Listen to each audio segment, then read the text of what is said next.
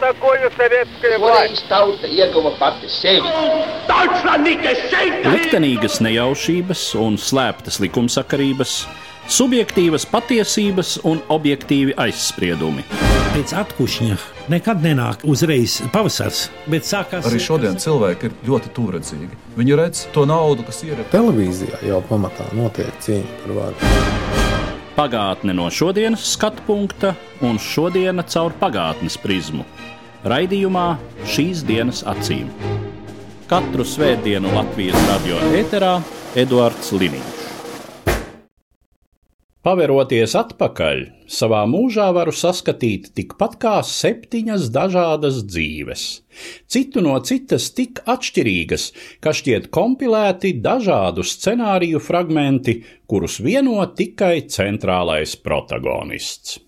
Tā savas autobiogrāfiskās grāmatas ar dievu Atlantīda priekšvārdā saka teātra un kinozinātniece, holokaustā izdzīvojusī Latvijas ebrejiete Valentīna Freimane. 18. februārī pagāja simts gadi kopš dzimusi šī Latvijas kultūrai ļoti nozīmīgā un neordinārā personība. Man bija tā laime pazīt Valentīnu kopš agras bērnības, cik tālu viņa bija manu vecāku, tuva draudzene un kolēģe. Nodzīvojusi ilgu un ražanu mūžu, Valentīna Freimane aizgāja mūžībā pāris dienas pirms savas 96. dzimšanas dienas 2018. gadā. Savukārt 2012. gadā, uzturoties Berlīnē, kas bija Valentīnas dzīves vieta mūža nogalē, ierakstīju sarunu. Toreiz šis ieraksts dažādu iemeslu dēļ nenonāca līdz Latvijas radioēteram, tagad piedāvāju to jūsu uzmanībai. Audzināties esmu pārliecībā, ka Eiropa turas uz trīs ziloņiem vai ne uz trīs pamatakmeņiem, uz uh, antiko filozofiju un estētiku, romiešu tiesībām un valstiskumu, uz jūdu kristīgo ētiku. Un no tā ir izaugusi, tas izveido to pamatu, kur vēlāk pārējās tautas, protams, piejaucēja savas vērtības vēl, bet tas ir tas pamats, kas vieno visus. Un tāpēc es jau biju ļoti, ļoti priecīga, kad es redzēju, kā apvienojas pamazām, un man arī tiešām likās, ka ieiet šajā Eiropas Savienībā, lai vai kāda viņa, protams, visu, ko cilvēks dara, tas ir kļūdains. Ja?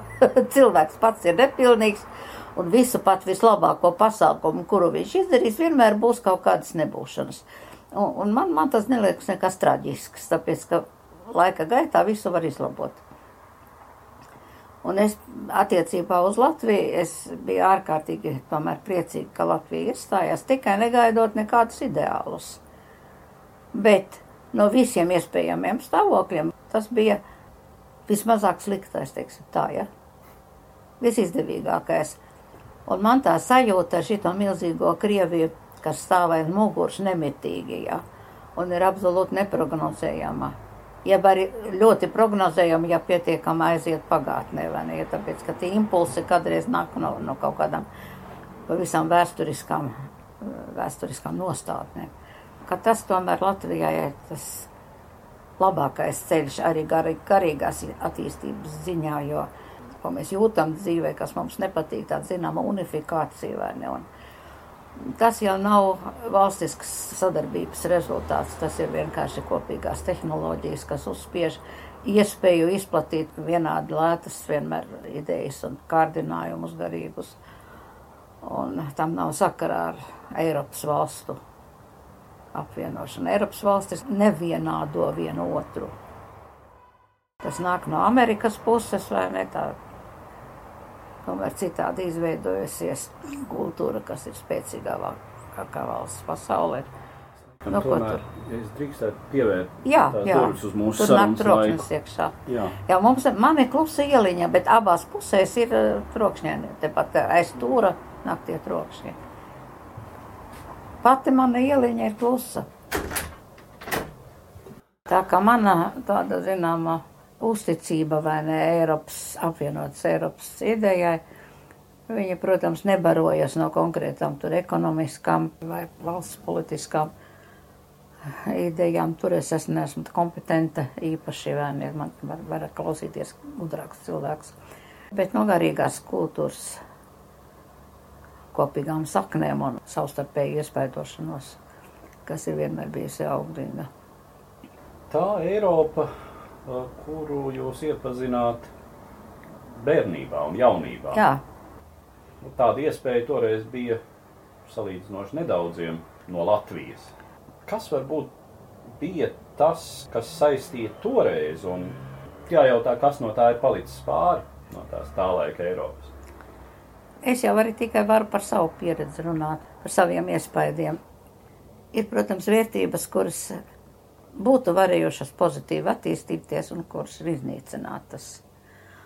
Un ir ļoti tādas dziļas pēdas, ko ir atstājis karš, ekstrēmās nacionālās kustības ar nacionālu socialismu priekšgalā, bet arī citas, kuras nebija varbūt tik asiņainas, bet tāpat ideoloģiski vilka uz sava etnosa nošķirtību un pārākumu vienlaikus. Un kas tomēr nopostīja daudzus garīgas sadarbības iedīgļus, kas bija pasaulē. Un arī atstāja ļoti smagu mantojumu karš un totalitāro režīmu, visu veidu totalitāro režīmu. Briesmu darbi, manuprāt, un ne tikai manuprāt, sagādā vēl šodien grūtības, tāpēc, ka cilvēku mentalitāte ir atsviesta atpakaļ par daudziem gadsimtiem. Jo daudzus gadsimtus cilvēkus, garīgi attīstītie cilvēki un ētiski apzinīgi cilvēki, ir tomēr panākuši kopā arī ar reliģijām, vai ne, ir panākuši to, ka bija lietas, kas cilvēkam jau likās neiespējami, kas bija tābu, nu, teiksim, tā kā kanibalisms. Tas ir labākais piemērs. Jeb arī, teiksim, incests, jā. Lietas, kas likās neiespējamas, un cilvēce bija tik tālu, ka vairs bez īpašas apdomas bija atmetusi to no savu darbības loka. Tas pat attiecas arī pie nekā tomēr bija sadzīves kultūras ziņā gandrīz visām tautām apziņa, ka bērns ir bērns, pret viņu ir atbildība un mīloša gādība, ka vecs cilvēks ir jāciena un arī jāizmanto viņa pieredze, viņu nepazemojot. Ja mēs apskatāmies visdažādākās kultūras, vai ne tas bija Rietumē Eiropas kultūrās, vai arī tas bija Ķīnā, pamatlietas, kas, starp citu, ir radāri desmit baušļiem, vai ne savā ziņā, tādi baušļi sabiedrībā bija. Un tagad uzreiz tas šī pēdējā kara laikā un totālo režīmu saimniekošanas laikā, kas nemaz tik ārkārtīgi liels vēsturisks posms nebija, bet viņš bija tik radikāls, ka cilvēkiem ir jauna pieredze, negatīva pieredze, ka var. Visu to, kas agrāk likās, ka tas nav iespējams, jo cilvēki tā nedara. Tagad nav vairs tāda apziņa. Cilvēki dara visu. Tas ir tas, par ko man arī ir nācies un nākas joprojām diezgan daudz domāt. No kādas lādes tas sātans izlaiž? Kā vācieši, kultūrālā, izglītotā, organizētā tauta Dzīvnieku un filozofu tauta, kā viņu Jā. sauca. Dzīvnieku un domātāju tauta. Ja. Visperfektākā demokrātijas Jā. modeļa, Veimāras parlamentārisma radītāja. Ziniet, jūs te pieskaraties tādam jautājumam, par kuru es esmu arī citā sakarībā domājusi. Mēs dažkārt sakam, redzi, Hitlera režīmu ārkārtīgi nu, nosoda un daudz par to runā un analizē, vai ne, un nerimstas sarunas par to. Bet Staļins, ja ņemt skaitļos un arī laika ziņā, vai ne, tie ir grandiozākie vēl noziegumi. Un mēs parasti atceramies to, kas skar mūsu pašus, teiksim, izsūtīšanas, kas bija masveidīga. Bet Krievija jau pirms tam, pirmajā desmitgadē pēc eh, revolūcija, kad nebija populāra izsūtīšana, bet vienkārši sita nost, vai ne? Cik nav miljoni nošauti vienkārši, vienkārši nogalināti. par to tik daudz nerunāja. Tagad tas vairs tā nav vēsture nodarbojās ar abām totalitārām varām.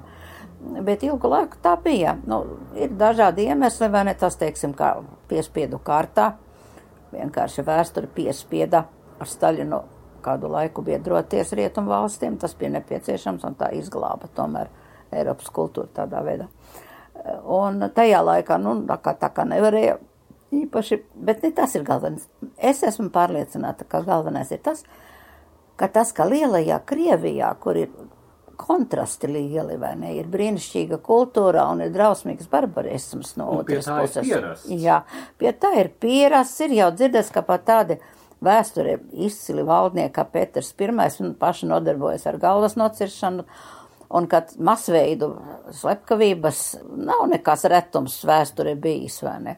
Var sakot, tas nav pārsteigums, ir, teiksim, nosodījums, ir sāpes vai kā, bet tas nav, bet no vāciešiem tas bija pārsteigums tomēr, zināmā mērā, un viņiem pašiem arī starp citu.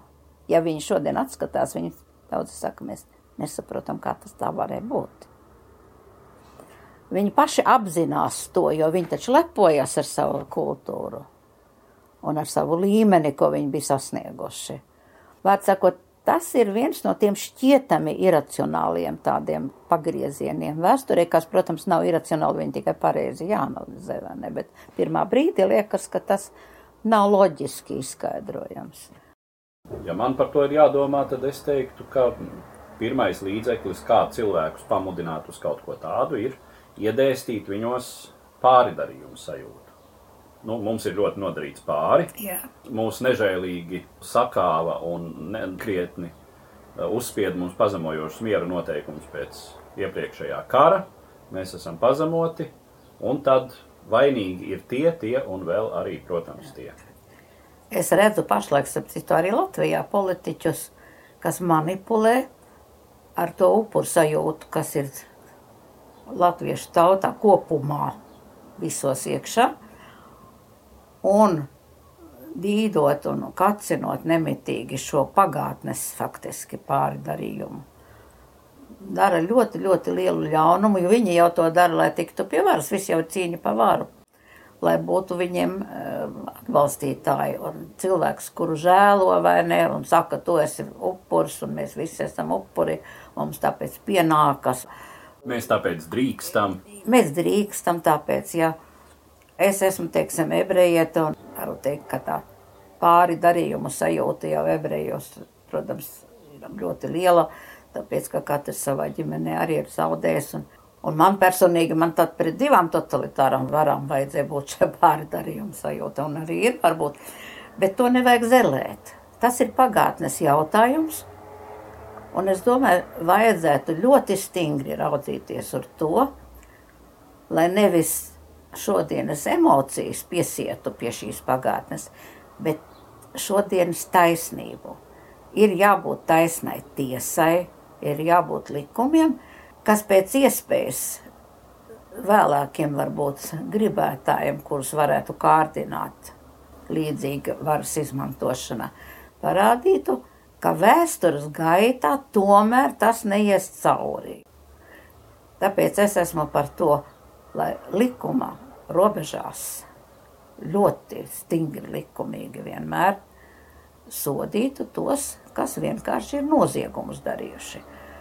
Bet visu laiku atcerēties attiecībā uz nu, vienkārši cilvēkiem, nu, kas maldījās, vai vienkārši kas uh, uzskatu ziņā uh, bija citādi nekā gribētos mums vai kā.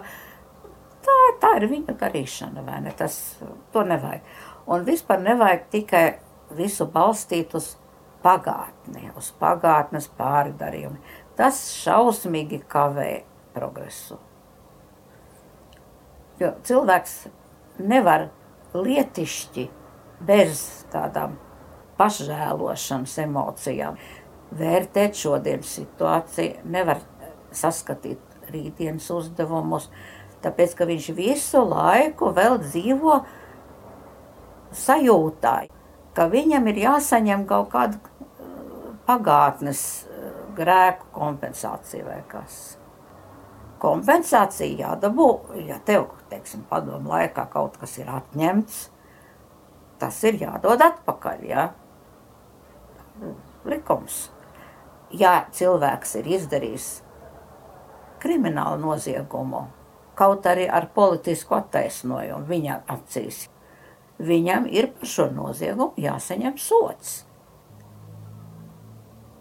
Cilvēki, kas ir, teiksim, nogalinājuši savus politiskos pretiniekus, vai arī kas ir nogalinājuši pēc tautības pazīmes, ebrejus vai čigānus vai ko, ir nevis par politiskiem uzskatiem, vai, teiksim, Breiviks, ja, Breiviku netiesā par viņa politiskiem uzskatiem, bet par to, ka viņš ir cilvēkus nogalinājis.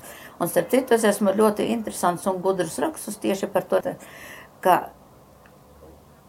nevajag vispār interesēties īpaši, kāpēc, piemēram, terorists uh, islāma goda pēc ir uh, autobuss ar skolas bērniem uzspridzinājis, vai ne? Nevajag nemaz ļaut viņiem sevi iekšēji attaisnot, ka viņš ir ideoloģiski moceklis pats, jā. Ir jāskatās, ka viņš ir vienkārši noziedznieks. Tā kā es esmu par to, lai juridiski viss būtu patīro, bet nodarboties ar to, kas bija pagātnē, es domāju, ka vajag domāt par šodienu un par nākotni. Tā ir mana pārliecība, ka tādu lielu godu izrāda vai ne liela formāta noziedzniekiem, un ilgu laiku nepavisam vispār negrib atcerēties cilvēkus, kuri um, riskēja ar ļoti daudz, ko dažkārt pat ar dzīvību, lai kaut kādiem svešiem cilvēkiem palīdzētu vienkārši tāpēc, ka principa pēc cilvēciskam ir jābūt. Un es jau savā grāmatā, tas man bija viens no virsmu uzdevumiem, tad, kad es sāku rakstīt, ka nevis koncentrēt visu uzmanību uz liela formāta noziegumu aprakstīšanu, ka tomēr fonā viņi visu laiku ir, bet parādīt, ka cilvēks ir cilvēks. Tas taču tas, kas mums jāatceras. Un ka var, saprotiet. Un kas man kaitina arī padomu laikā, kur runa bija par daudz nevainīgākām lietām. Nebija runa par nāvi vai par eh, noziegumiem, tiešiem kriminālu noziegumiem, bet vienkārši, kad cilvēks saka, nu jā, es tā, nu, skreju līdzi, nu, nu man deva tur čekā parakstīt, nu, parakstīju, es jau no ko slikti nedarīju, nu, bet, nu, kā man saka, parakstīt, parakstīt, nu, zin, kā tas ir, jā. Nu, tādi bija laiki, jā. Tādi bija laiki. Un es neatzīstu šito tādu bija laiki. Katrā laikā ir lietas, protams, ko nevar grozīt un būt muļķīgi pret mūru mesties. Bet ir lietas, ko savā personīgajā dzīvē nu, es varu izšķirties. Nu, ja es izšķiros, ka es nestāšos partijā, tad es nestājos. Bet es, starp citu, jūsu tēvu pierunāju, lai viņš stājas. Viņš ļoti negribēja. Viņam citādāk nebūtu bijusi radoša dzīve iespējama. Tā ir atkal tā pretējā galējība. Jā. Ka ir jau, protams, mūsu laikos, bet lielākoties tie ir ļaudis, kas tos laikus vai nu ir piedzīvojuši salīdzinoši nelielā vecumā. Jā. Nu, dažos gadījumos tur ir kādi citi motīvi, bet tad, kur tā nostādne ir tāda, ka visi, kas tajā laikā darīja jebko, ir pelnījuši nosodījumu. Jo... Tā ir pilnīgi muļķība. Nē, nē, tā ir tāda paštaisna no stāja vai ne kas parasti ir cilvēkiem, kuriem pašiem nekad nav tāda situācija bijis jāizšķiras. Man bija iespējams nebūt partijā, ja? jo tas, kas man bija jāupurē, man nebija nekas nopietns. Man bija jāupurē iespēja būt par priekšnieku. Es nekad neesmu gribējusi, es neesmu organizators vai ne. Man bija, protams, jāatsakās no dažādām privilēģijām, ieskaitot pat tādas niekus, ka man ir neļāva parakstīties uz kooperācijas dzīvokli. Nu, tādas muļķības, jā. Nu, dažiem tās nebija muļķības. Jā, bet, bet tas man par to mani nospļauties bija. Kad man piedāvāja parakstīties čekā vai ne par vienu reizi, man vispār daudz nepiedāvāja, jo man bija tik slikta biogrāfija. Un ilgus gadus man vienkārši uz pratināšanu sauca laiku pa laikam, vai ne, bet nepiedāvāja tad būt. Bet pienāca brīdis 60. gados, kad daudz maz tā es biju jau labi iekārtojusies. Tajā laikā bija jau uzņemta akadēmija. Man vienu dienu izsauca uz kultūras ministriju. Es domāju, man ar viņiem darīšana īpaši nav, ko viņi grib. Man iesauc vienā kabinetā, un tur sēž no stūrmājas pārstāvis. Pie kam cilvēks, ko mēs visi pazinām, viņš bija no tiem čekas cilvēkiem, teiksim, tāds kultūrālākais tomēr. Un man, man liekas, ka viņš var, ne, nebija slikts cilvēks savā sirdī, tāpēc nodzērās. Un tika aizsūtīts pensijā ātrāk par laikiem, jo viņš galīgi nodzēries pie. Nu, var sakot, viņš sēž pie rakstām galda un saka, es uh, gribēju ar jums parunāt tādā jautājumā, redziet, jā, es jau saprotu, jūs uz mums ļoti dusmojaties, jo mēs jūs nelaižām uz ārzemēm, es biju pilnīgi, man bija pilnīgi visi ceļi slēgti nu, uz tām tautas demokrātijas zemēm mēs jūs tagad laidām kādu laiku, ja. Bet uh, jums kā specialistam jau vajadzētu varbūt braukt, apskatīties un tā. Bet, nu, saprotiet, jums ir slikta biogrāfija. Bet viņš saka, jūs varētu mums ļoti palīdzēt mūsu darbu. Mēs varētu jums ļaut braukt uz ārzemēm, ja jūs pavadītu grupas vai ne, un tad stāstītu, jūs valodas zināt, ko kurais ko runā vai ne, ko kurais lasa vai ko, ar ko kurais sastopas. Viņš saka, mēs jau grupās parasti kādu uzticības personu vai nesūtam līdzi. Maskavā viņu sauca izkusto vietu štatskam. Mākslas zinātnieks civilā. Viņš vēl sāka runāt, nu kā jūs domājat par tādu savu kolēģi, par, es atceros par unci ļoti daudz. Toreiz bija bijušas kaut kādas bēras kaut kādam kultūras darbiniekam, kur uncis pie kapa bija kaut ko teicis, ne to, ko vajag. un ko, ko es par to domāju, es saku, es tajās bērēs nebiju. Un tā kā es nezinu, ko tur Petersons runāja, ko ne, nu, tas atkrita tad. Nu, vārds sakot, viņš man sāk stāstīt, jūs taču varētu pavadīt un tā. Un, protams, tad, ja jums būtu visi ceļi vaļā, jūs varētu ceļot un, un es ļoti ātri kaut kā ļoti ātri darbojās prāts. Es viņam saku, ziniet, es jau labprāt, tas jau ir tāda uzticība, paldies, bet, bet es esmu ārkārtīgi tuvredzīga. Un man toreiz bija mīnus 14, man jau operēja acis Berlīnē, vai ne, tagad es redzu bez brillēm. Bet man jau bija tāda brīļu stikla, man bija nu, tāda bieza un tāda. Es saku, ziniet, un ar visām manām brillēm, ko jūs redzat, es tāpat slikti redzu. Es nevaru cilvēkiem sakot, es to ģīmi vispār nevaru atpazīt pēc pāris soļiem. Ja. Kur nu vēl atcerēties, es neatšķiru viņus. Viņš saka, nu vai tad nu tik traki. Es saku, mīnus 14, nu tas parasti ir iebaida ļoti mīnus 14, bet es saku, es vienkārši negarantēju, ka es tur var kaut ko. Un tad pēkšņi man uznāca tā mana viegla prātība. Kādreiz es nevaru muti turēt, jātur muti, bet, nu, un es atziniet, man bez tam man ir viena īpašība, kas man padara galīgi nepiemērotu tādam darbam. Viņš saka, nu kādu, saka, paprasiet manam draudzenēm, viņš es nevaru muti turēt. Kam es zinu, ka nedrīkst jau citiem stāstīt, vai ne, ka uh, jūs man tur uzaiciniet, ka es pie jums palīdzu, vai kā, bet es noteikti visiem izstāstīt, es, es nevaru garantēt, ja agrāk vai vēlāk man izspruktu, jo es esmu pļāpīga, nu, kā jau sievietes, es jo, ziniet, kā, nu, viņš saprat, ka, nu, es viņu paķeru jau uz zoba kaut kā. Tā viņš tā ātri pabeidza, un ar to tā saruna arī beidzās. Nu, ko, es zaudēju to, ka es vairs pat uz tām uh, zotzemēm netiku no tā brīža, jā, tad es nedrīkstēju vairs uz, uz VDR braukt un nekur. Bet, nu, ko, neko citu man nenodarīja. Akadēmijas, kā bija, tā bija ko es darīju, to es tāpat darīju. Nu, tad man tādā veidā vajadzēja nopirkt sev kustības brīvību. Nu, nav vērts. Es biju ar sevi ļoti apmierināta, un tas ir galvenais.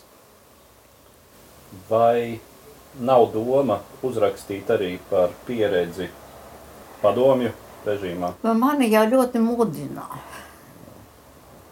Es pati esmu drusku par vecu, lai sāktu kaut kādu lielāku darbu. Tagad man, paldies Dievam, Dieviņš ir devis eh, tādu veselību galvā, un viss mans vecums ir iegājis kājās, bet galva man pagaidām vēl turas. Nu, nezinu, es domāju, ka veselu grāmatu, tā kā šo, kas man ir uz galda, es vairs gatava nebūšu. Tas ir pārāk liels smagums. Un bez tam atmiņas par padomu laiku ir saglabājušās citā formā nekā atmiņas par Atlantīdu. Tās atmiņas tiešām saglabājās tā kā tāda jau gatava kompozīcija. Tie posmi jau bija nosēdušies manā atmiņā kā noteiktā izskatā un formā. Padomu laiks man liekas tā, ka tāda kreļu vītne. Tās krēles ļoti dažādas, un viņām pat nav īsta sakara vienai ar otru, bet viņas ir uz tādu laika stienīša, viņi ir uzvērti. Es varētu atstāstīt stāsti iz padomju laika, ja. Atsevišķu epizožu, kas man liekas raksturīgi laikam, atsevišķu novilīšu formātu, ir vēl vienas grūtības. Es ļoti nelabprāt nosodu cilvēkus. Man vienmēr liekas, ka tā ir tā dzīves vienkāršošana, ja, ja atmaskot cilvēkus. Ja. Bet, ja man vajadzētu par padomu laiku rakstīt, ir vesela rinda cilvēku, no kuri tā ir sagadījies. Viņi bijuši normāli cilvēki ar labu un ar ļaunu savā dvēselē, vai ne? Un tā ir gadījies, nu, man nelaimējā saskarties nu, ar viņu ļaunumu, jā, teiksim tā.